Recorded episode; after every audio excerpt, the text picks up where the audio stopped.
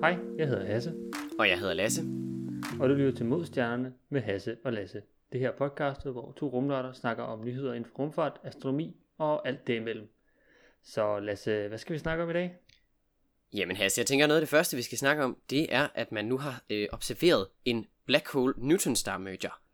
Uh, lækkert. Ja. Lækkert, lækkert. Ja, så tidligere der har man jo brugt de her LIGO og Virgo, det amerikanske og det europæiske øh, sådan gravitationsbølgedetektorer, dem har man brugt til at observere de to andre typer af, af mergers, altså øh, sorte huller og sorte huller, der ligesom skal man sige, snor rundt om hinanden og, og støder sammen. Og så har man også set det samme med neutronstjerner, men man har så ikke set blandingen af de to før nu. Uh, lækkert. Altså, er, du siger blanding, er, er, det, er det mere end en, eller hvad er vi ude i? Har det været observeret en, eller? Man har set hele to styks. Okay, okay, så er der fest. Så er der fest. Så pop champagne, det er, det er en vild dag. Uh, artiklen, hvor de, de for, formidler det her, den er udgivet i dag, uh, så her optagende stund den 29. Så en, uh, en meget, meget ny artikel. Uh, men der er så tale om, uh, om to observationer af de her black hole neutron star mergers, som de kaldes. Uh, så så en, en merger af sorte hul og et, uh, en neutronstjerne. Men de, uh, de har man altså observeret. Det er godt nok ved at være tilbage i, uh, det var i 2020 i, i januar, der, der havde både Virgo og LIGO vist nok fået opgraderinger. Øh, og så var man ligesom gået Ah, i ja. gang med at observere igen. Øh, men øh, der har man altså set to af de her, af de her mergers. Så det, Okay. er- det er sådan lidt vildt. Sejt. Typisk, når man sådan snakker om de her sådan nogle kompakte objekter, der sådan merger, er, har man så nogle øh, tal på sådan nogle masserne. Det er altid sådan lidt spændende, om de får nogle, nogle gode masser. Det, øh, det har man heldigvis. Det kan man jo se på, øh, hvordan de her gravitationsbølger, de ligesom sådan, sådan opfører sig. Så kan man sige noget om massen og, og massefordelingen. Og, øh, og vi snakker sådan en, øh, ja, den ene merger, der er det 9 solmasser og cirka 2 sådan i rundetal. Og, øh, og den anden, der snakker vi øh, 5,7 og halvanden solmasser. Okay, så sådan relativt små. Ja, det, det er ikke kæmpe store objekter, vi snakker om her. Det er netop på de her masser, at man så øh, ligesom kan vurdere, hvorvidt det er to sorte huller eller to af de her neutronstjerner. Det er simpelthen øh, baseret på de her masser. Der er en ja. hel masse modellering, og du aner ikke, hvor mange mennesker, der har været med til at skrive den her artikel. Jeg kigger bare lige på øh, beskrivelsen af alle de øh, forfattere, der er med her, og jeg, vi snakker 700 eller mere. Der er godt nok mange. Det fylder de første par sider af artiklen. Det er bare, hvem der har været med til at skrive den. Og klassisk Så, øh, sådan, astronomi, når alle bare skal være med. Det er sådan, jeg har engang arbejdet på lidt, jeg har engang lavet noget til det her, som bliver brugt i det her, som nu er med i artiklen, så skal vi også være med. Fedt. Jeps. Og det er så også tilfældet her. Men øh, i hvert fald, der er rigtig, rigtig mange mennesker, der har været med til at, at skrive den her, den her artikel her, som i grunden ikke er særlig lang. Altså, vi snakker om 16 sider eller sådan noget. Men, øhm. Men det, er altså, øh, det er altså ret vildt med den her type observationer. Det er noget, vi, vi lidt har, har gået og glædet os til. Øh, man har jo godt regnet ud, at det jo nok findes. Det ville jo være mærkeligt, hvis man så de to andre, og så ikke blandingen af dem. Det ville være lidt spøjst. Men man har så nu observeret to af dem. Og Ja. når de sådan begynder at estimere på modeller, så, øh, så går de ud fra, at der er cirka en af de her øh, mergers sådan, om, øh, om året inden for de nærmeste 1 milliard lysår. Okay, det er sådan overraskende meget, lige sådan, altså, er selvfølgelig sindssygt mange stjerner, men man skal jo så ende i et, altså det skal jo have været et tidligere i hvert fald binært system, muligvis med flere, og som nu så nu, altså det ene er blevet til sort hul, og den anden er blevet til neutronstjerne, altså det er sådan lidt, og det skal lige passe med de rigtige masser af de stjerner, de førhen var, så det, ja. det er alligevel ret lækkert. Det, er- det er lidt, øh, lidt nogle, nogle øh, skal sige, lidt et tilfælde, der skal til, for at det ligesom opstår. Men, øh, men de, ja. de vurderer altså, at det så godt kan, kan lade sig gøre øh, så ofte, hvis man kan sige det sådan. Så, Ja. øh, så det er faktisk ret sjovt. Øh, de har en, en hel masse med modellering og øh, hvordan spinden kommer til at, at, at påvirke det her signal, man nu detekterer, alt muligt. Den er, den er ret meget øh, i dybden, og jeg kunne forestille mig, at de har haft eksperter indover til ligesom at, at styre de, de enkelte dele her. Men øh, Ja. Ja, det er også det, når man ser med, som du siger, så mange authors, så er det fordi, der er nogen, der er sådan udelukkende arbejder på en lille del, og det er måske bare ja, lave en halv figur eller sådan noget. Men det er fordi, der skal så meget dataanalyse og bearbejdning igennem, før du kan få et, et reelt svar ud, og ikke bare en måling. Øh, altså, det faktisk bliver til noget. Lige præcis. Så det er altså lidt en, øh, lidt en, øh, en vild ting. Det er lidt, øh, lidt cool med, med de her Ja, to. Så, øh, men altså, øh, der kommer forhåbentlig øh, flere af de her observationer her. Og, og egentlig apropos, øh, hvad hedder det, nu vi lige snakker om øh, LIGO og, og Virgo her, så, øh, så har Japan jo også fået deres anlæg op og, og køre øh, Kagra, hedder det. Uh. Det, øh, det kom op at køre øh, i februar øh, sidste år. Så, øh, så det har så også øh, været, været med til at, til at se de her øh, gravitationsbølger. Dog ikke lige for de her to tilfælde, det, det var i januar. Så lige måneden efter, der kom, øh, der kom CAGRA altså op at køre. Men de er så også med nu til at observere. Så forhåbentlig så får vi altså flere og bedre observationer. Ja, for jeg så lige, no, normalt så var jeg lige mindst omkring LIGO og Virgo, så bruger man jo det, man har to til sådan at, at lokalisere lidt på himlen, hvor er det lige, det er cirka hen af. Øh, fordi man kan jo ikke rigtig, for eksempel med to black holes, øh, sorte huller, huller, så kan man ikke lige se, jeg kan sige, mergeren som sådan. Det er ikke sådan, at det går sådan en supernova eller noget. Det er jo... Niks. Øh, specielt ikke lige der. Øh, men neutronstjerner, der er der heldigvis en kilonova, man så kan, kan observere som den, den visuelle modpart. Men øh, desværre ikke ved, ved, ved den, den her type merger heller. Øh, og øh, det er også derfor, man, man, når man har de her to type detektorer, så har man altså stadigvæk ja, cirka 17% af himlen, man sådan skal, skal, skal eftersøge. Øh, det, er, det, det er lidt for meget til, at man sådan bare lige kan, kan dække det af. Vi snakker cirka 3.000 fuldmåner. Så øh, ja, lidt, øh, ja. lidt bøvlet. Men det bliver forhåbentlig bedre nu, hvor man så har, har tre af de her øh, anlæg til at detektere. Så kan man jo ja. Ja, altså, nærmest triangulere sig ind på, hvor henne det er. Ja, det bliver, det bliver rigtig lækkert. Det, jeg tænker, det bliver noget nemmere. Altså, vi, vi kommer nok ikke til sådan at, at vide præcis på himlen, hvor det er, men du ved, altså 17% det er ikke sådan super præcist. Så kan man ja. med lidt større præcision i hvert fald øh, vide det nu her med de her tre øh, detektorer. Så øh, der var bare lige en, øh, en lille artikel, jeg lige havde, havde fundet, og det, øh, det synes jeg bare lige, at øh, folk skulle høre. Det er sådan lidt øh, banebrydende nyheder, kan man vist sige. Ja, det er ja, det gode udtryk cutting edge science. Altså det er virkelig på fronten af, hvor videnskaben er. Det er sådan, ja, det kan være, at vi en dag måske skal snakke lidt omkring, hvordan Virgo og LIGO og nu også øh, Kager, det fungerer, fordi hvad jeg kunne huske, at vi forklarede lidt af nogle professorer engang, da vi studerede, altså, hvordan det fungerer, og hvor, altså, fordi man måler jo, man siger, det er ikke, man ser jo ikke lys, man ser ikke noget fra, man måler altså simpelthen sådan ændringen i rumtiden, er vist den bedste måde, man kan sådan beskrive det på, at den bliver strukket lige en lille bitte anelse, fordi der er den her kæmpe store øh, tyngdebølge, som, som går igennem øh, ja, jorden. Og det, jeg tror måske, vi skal, skal have et lille deep dive på et tidspunkt i et andet afsnit, og, og hvis det forklarer lidt omkring, hvor vildt det egentlig er, det her videnskab, for det, det, det, det tænker jeg, der er både, både med præcision og alt muligt, det er, det er nogle imponerende stykker, stykker redskaber. Og der kan vi også måske lige ja. nævne lidt om, øh, om fremtiden for, for de her forsøg, fordi der er jo faktisk øh, der er jo øh, vilde, vilde fremtidsudsigter for, for lige præcis sådan nogle af de her gravitationsbølgeforsøg. Men øh, ja. tænker vi, det tager vi dit der på et tidspunkt. Det må vi heller gøre. Fra øh, nogle sorte huller og øh, neutronstjerner, så tror jeg, vi skal lidt ned på jorden. Ikke helt. Øh, det starter om ind på jorden. Det er, at øh, Virgin Galactic, som er et, et rumfirma, som øh, Richard Branson står bagved, han, de har nu fået lov af den amerikanske flyagentur, deres FAA, til at tage kunder med op i rummet. I deres øh, ja, VSS uh, øh, Unity. Alright. Ja. Nice, så rumturisme er nu... Uh... Det er nu, uh, ja, hvad skal man sige, open for business, uh, hvis man kan sige sådan i USA. Nice. Uh, Ja, så, og de er jo sådan, ja, det er dem, der måske ikke lige kender Virgin Galactic. De er et, et rumfirma, som tager sig af, ja, rumturisme i hvert fald i, med deres øh, Virgin øh, Unity her. Det handler simpelthen om, at man er, det er sådan et meget, det er lidt et sjovt fly, som har så en form for sådan, ja, raketfly under sig. Så det er sådan et, et kæmpestort, øh, øh ja, det hedder øh, White Knight 2, som er sådan, forestil dig, at du har taget to fly, og så flyver man den ved siden af hinanden, og så vingerne, der er tættest på hinanden, de er lige klipset sammen i midten. Så det, det, det er cirka den bedste måde, jeg kan beskrive det på. Og ellers så tror jeg, at vi lige vi lægger et billede i, i noterne til podcast, så kan man lige se et billede af, at det ser sådan, det er lige et fly, hvor man siger, ja, vi klister lige to fly sammen øh, på midten med, med vingerne, så er vi cirka ved at være der. Det, det, det, er, det er meget ligesom et, øh, et stratolaunch, hvis man kender det. Øh, den, den her type at, at sende raketter afsted. Sådan to kæmpe store ja. fly, man sådan smækker sammen. Ja, det er ja, en meget god beskrivelse. Men så har man så, jeg vil sige, i midten, så har man så det her raketfly, som så det bliver sådan, jeg vil sige, løftet op i cirka sådan noget 16 km højde, og så bliver det så tabt af flyet, og så tæller den raketmotoren, og så flyver den altså bare mod rummet. Og det, det er cirka sådan, rumturismen foregår. Så kan man så have, jeg tror det er 6-8 rumturister øh, ombord, og så, øh, så bliver de simpelthen fløjet op til sådan omkring, lige nu har de, det de har testet, så har det været cirka 87 km op, som er efter US standards, sådan, så, er det, så er det rummet. Ja, så okay. Her, selvfølgelig kommer en diskussion omkring, sådan, ja. hvor det lige rummet starter, hvor det ikke starter.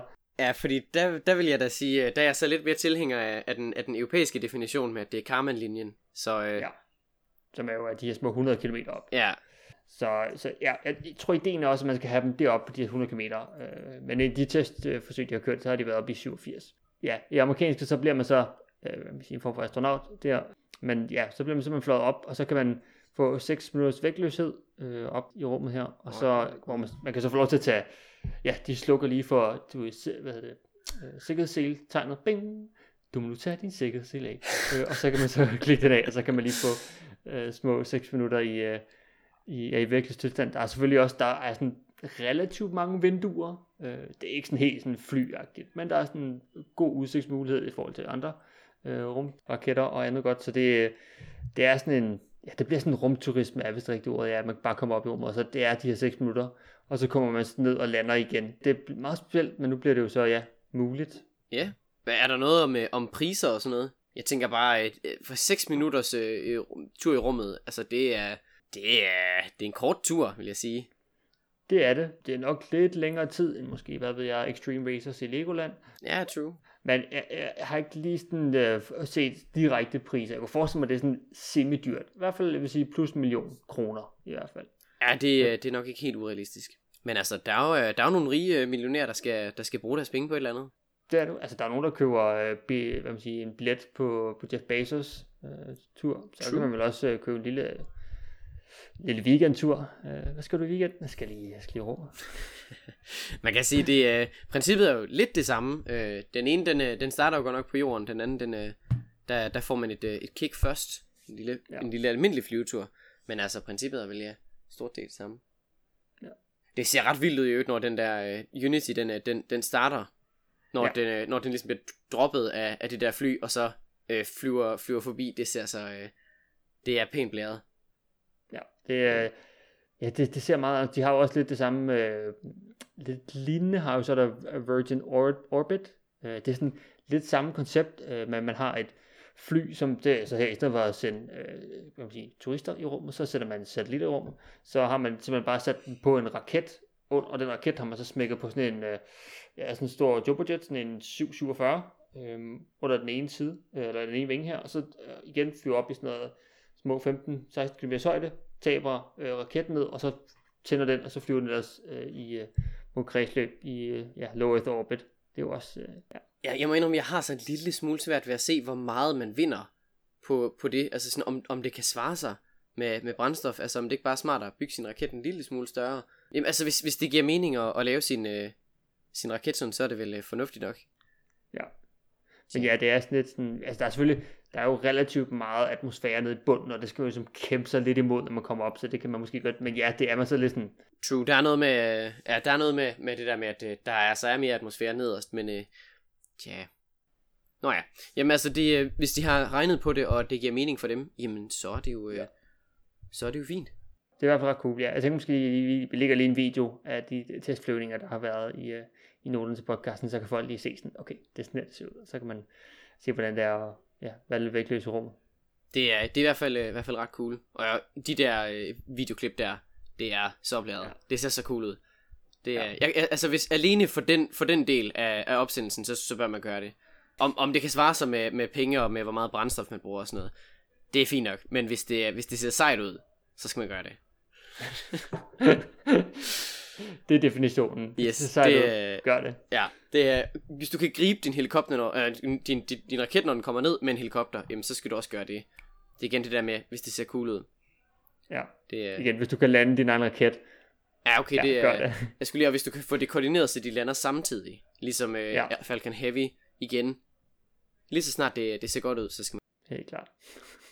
Og øh, når vi så går fra øh, sådan øh, tur i rummet og potentielt at blive astronaut, øh, så har ESA, de har jo øh, lige annonceret deres, øh, deres sådan officielle tal for denne gangs astronautansøgning. Jeg ved ikke, om du har været inde og se det. Jo, jeg var lige lige at kigge lidt, man skal lige se, hvordan konkurrencen ser ud.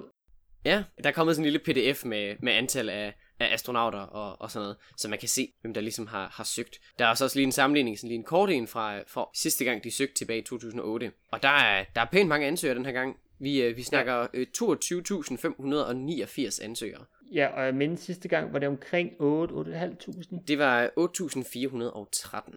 Så, øh, så ja, der er lige en, øh, en god slat mere den her gang. Det må man sige. Ja. Så, så Så, altså, jeg, øh, jeg, havde, jeg havde frygtet værre, vil jeg sige. Jeg havde tænkt sådan, for nu hvor det var blevet sådan, så populært, og det var, altså, mange har nu i dag en eller anden form for kandidatgrad, og så, er det sådan, så kan man jo tænke, "Nå, men så må jeg prøve at ansøge, og ja, men øh, altså, der ved jeg, en ud af 22.000, det er da sådan semi-god odds. Ja, øh, Danmark har, øh, har så i alt stillet med, med 146 kandidater, øh, hvor 110 er, er mænd og, og 36 er kvinder.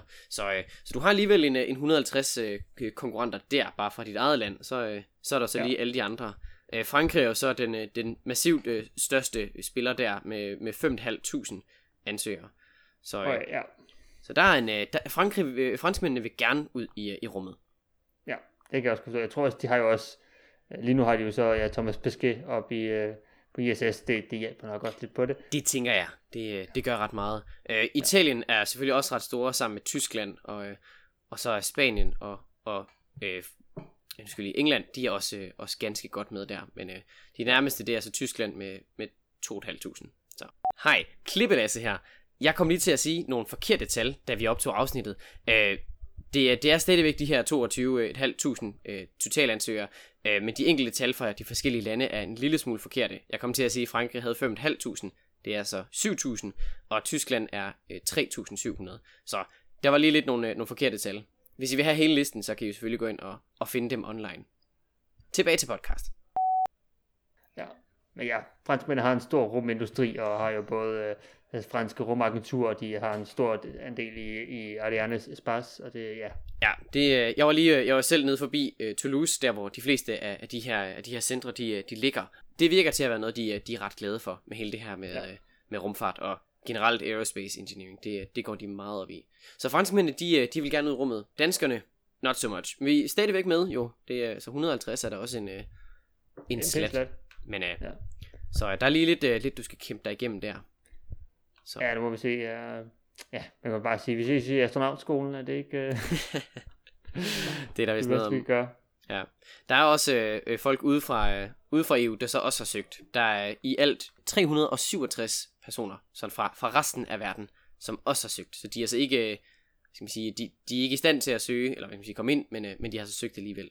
Interessant. Ja, en, øh, en hel del fra, fra Indien, øh, 53 mennesker, Okay.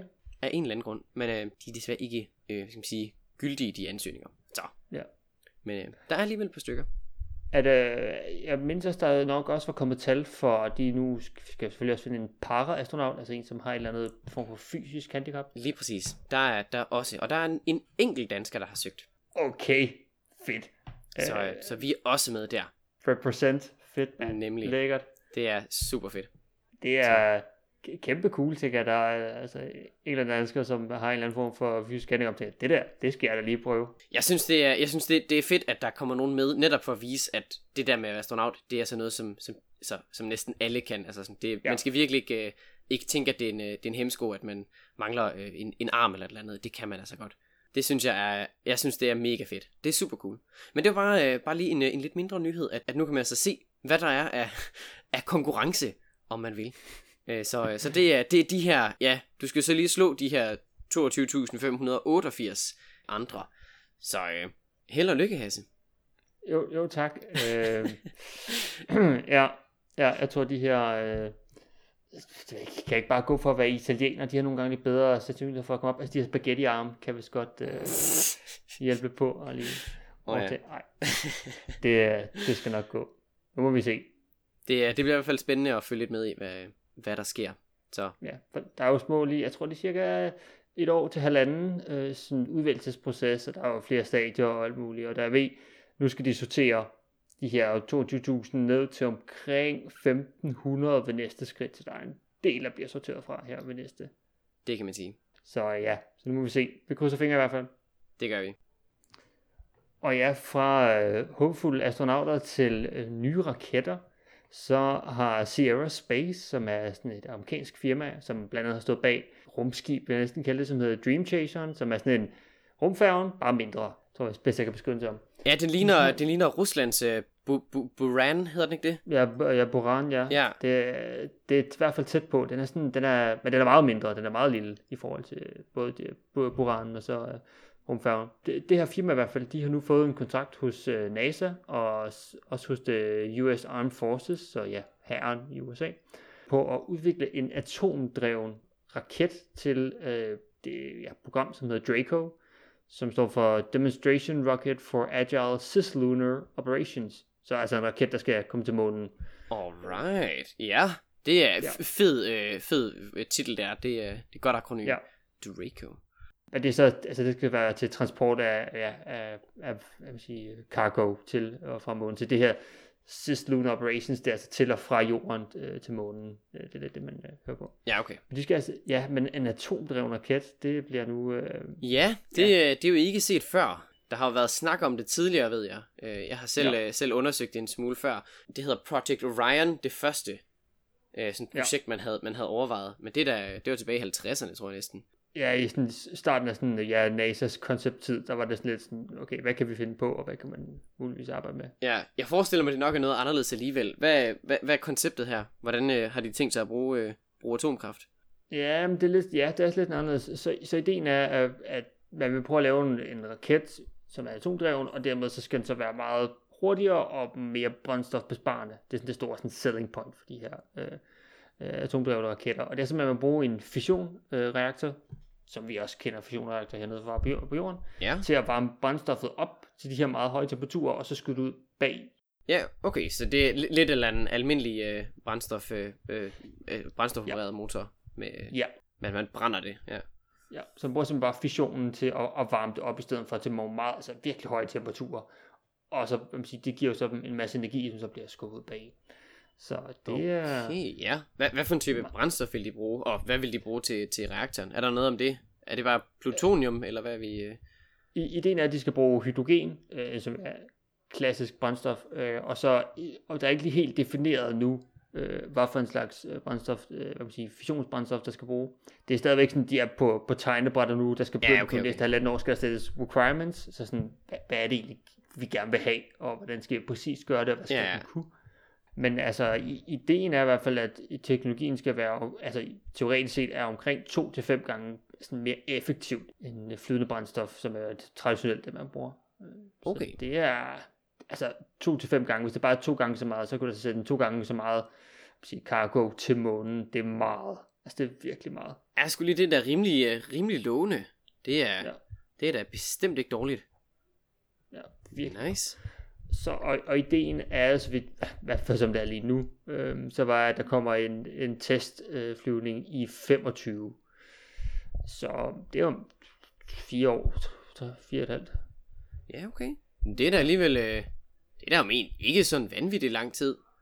Ej, det er også, altså også lidt, det lyder, altså, jeg kan godt lide det, det er optimistisk, men jeg vil måske lige give det et par år mere, i hvert fald fordi, Ja, det, er- det er måske ikke øh, så... Det, det er lidt, lidt meget optimistisk at sige, at det, øh, at det, det kan lade sig gøre så hurtigt. Men altså, ja. det, det er jo ikke fuldstændig utænkeligt. Men ja, i, i hvert fald så er i hvert fald lovende fremskridt inden for på området, og nu, altså nu begynder man virkelig at arbejde på det, og så ja, det er jo sådan noget som altså, et stykke længere ud i fremtiden nok kommer til at betyde noget også for menneskeheden sådan i dens tur rundt i solsystemet, om man vil. Ja, man kan sige, hvis, man, øh, hvis, hvis den er mere effektiv, kan man jo også komme lidt hurtigere afsted. Så på den led er det jo, øh, er det jo ret fedt. Ja. Så kan man også, øh, også hvis man siger, komme længere med det, man har. Det er jo egentlig ret, ret snedigt. Det er nok noget, man i hvert fald skal holde øje med her over de næste par år, det er altså, hvordan det kommer til at udvikle sig, fordi det kunne blive stort, hvis det bare, ja, hvis det bare giver to gange bedre effektivitet, altså det ville være fantastisk. Ja, det vil stadigvæk være ret, ret vildt. Og så længe de bare ikke udvikler øh, videre på, på Project Orion, det, det der originale, så, øh, så tænker jeg, at det går. Der var princippet jo basically bare at springe atombomber, hvis man siger, i bunden af raketten. Og så det, det fotontryk, der så kommer af, at, øh, at den her atombombe, den springer ned for enden af raketten, det skubber raketten fremad. Det tænker jeg, at det er den, den dårlige løsning her, i forhold til, hvis det sådan skal være atomkraft. Så, øh, Ja, ja. så tænker jeg, at det er smart at bruge noget fission, og så bare varme ting op, og så skubbe det væk. Ja. Det, er, det er lidt mere snedigt. Men øh, hvad, nu hvor vi alligevel snakker om øh, raketter og udvikling af, af nye ting der, øh, sker der noget over i SpaceX-hjørnet? Jeg synes, jeg hører noget med en, øh, en, en øh, orbitaltur om ikke så længe. Det er, der er i hvert fald lige været ude og blevet, øh, i hvert fald sagt fra uh, Gwen Shotwell, som er en af lederne inden for, for SpaceX, om at de i hvert fald lige nu sigter efter i juli, og det er altså i skrivende stund uh, lige om lidt, så vil de simpelthen tage en test med, uh, med Starship og lave den her orbital test flight, som vi snakkede om. Ideen var jo egentlig, først skulle være her. Altså sådan rygterne var lidt, det vil komme til efteråret, fordi det vil tage lidt tid at gøre boosteren klar for det hele testet, og det, det man bare lige gøre på en eftermiddag. Men lige nu så sigter altså SpaceX efter at gøre det her i juli måned i 2021, som er altså inden for det næste måneds tid. Okay, det er alligevel ja. uh, inden, uh, inden alt for længe. Ja. Nice. Er der noget ja. snak om, hvad de sådan skal, skal opnå, når de kommer ud? Normalt så tager man jo et eller andet uh, ja, sådan dummy, dummy uh, objekt med, for ligesom at, at det vejer noget. Er der noget snak om det? Uh, ikke lige uddybet mere omkring. Uh, det kunne selvfølgelig godt være, man har jo set med, at Falcon Heavy skulle testes med Elon, som sendte en, en rød Tesla Roadster. Ja, sin, sin, sin egen jo. Med, øh, ja, hvad har været, og var han Spaceman, hvad hed ham, den lille... Ja, var det ikke Spaceman, han hed? Ham, der sad i den der Manny King-dukke.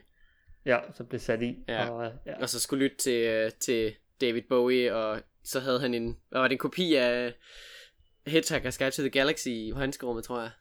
Ja, ja. Det er også yeah. en, altså virkelig nørdet nu, nu man alligevel kunne få lov til det. Ja.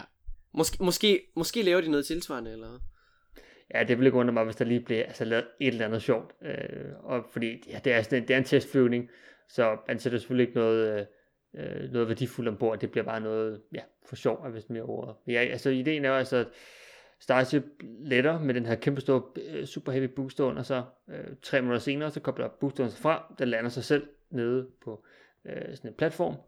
Og så Starship så fortsætter så, kan man sige, i kredsløb og men ikke sådan hele vejen, det tager kun sådan næsten en gang under jorden, og lander øh, over igen på, på, ud for Hawaii's kyst. Altså hvis de gør det inden for den næste måned, det ville jo være vanvittigt. Men hvis de bare gør det inden for næste halve år, så vil det også være kæmpe fedt. Det vil stadigvæk ikke være rimelig blæret. Hvordan vil de, øh, vil de gribe øh, Starship, når den lander? Er det med, øh, med de der øh, flod, hvad er jeg ikke, det hedder ikke flodpramme, det hedder øh, boreplatform? Så vidt jeg kunne se, så boreplatformen kommer til at være til øh, Super Heavy Boosteren. Alright. Øh, for den er så stor. Øh, Starship, der vil, jeg vil umiddelbart sige, det kunne godt være, at de tager og flytter... Øh... Er det Of Course I Still Love You, eller Read the Instructions? Ja, ja, hvis de vel og mærket er store nok, fordi Starship er jo... Ja, den er lidt større end, uh, en Falcon, uh, Falcon 9 booster, der er... Ellers så skal der jo ja, laves uh, landings... Uh, sige, pladser, om man vil, uh, ud fra Hawaii's kyst. Ja. Ah, okay. Så det, uh, det, det er slet ikke noget, de er ved at finde ud af. Eller i hvert fald ikke noget, ja. de har fortalt om. Nej, det er præcis. Alright. Så det, øh, altså, det ville være vildt, hvis det blev her måned. Men, øh, ja. ja, det kunne være virkelig, øh, virkelig sindssygt. Vi håber da på, at øh, er der et eller andet at se der på SpaceX. Er det ikke øh, sådan lige, øh, altså i opstående stund øh, nu, at der er en, øh, en opsendelse med, øh, med nogle af deres øh, satellitter, de skal afsted? Uh, Synes det jeg, jeg læste et eller andet sted. Være. Det vil ikke undre mig, fordi jeg så lige, at der også kom ud i for, nu fordi vi er i SpaceX hjørnet deres uh, Starlink, som det her internet via satellitter, de, uh, de skulle være altså fuldt operationelle fra september af, så vil alle kunne gå ind og bestille en, en lille ja, antenne, og så kan man sætte den ud for, og så kan man få internet igennem uh, ja, satellitter. Det er, det er hurtigt, må man sige. Det går stærkt. Jeg skulle lige det, uh, den der opsendelse, det, det har lige, lige fundet sted. Ja, men ja, i hvert fald, der, der sker hele tiden noget, kan man de sige. det gør der. Ja, men ellers så tror jeg ikke, vi har så meget mere til jer i den her uge. Tusind tak, fordi I lyttede med. Hvis du har ris, ros, ting vi skal snakke om, gode spørgsmål, billeder af raketter, der bliver sendt op, nye raketidéer, du har, så kan du altid sende os en mail til modstjernerne Du kan selvfølgelig også øh, skrive til os på Instagram, hvor du selvfølgelig også kan følge vores lille side. Husk selvfølgelig også kan følge podcastet på din yndlingspodcast tjeneste, og ellers så snakkes vi ved i næste uge.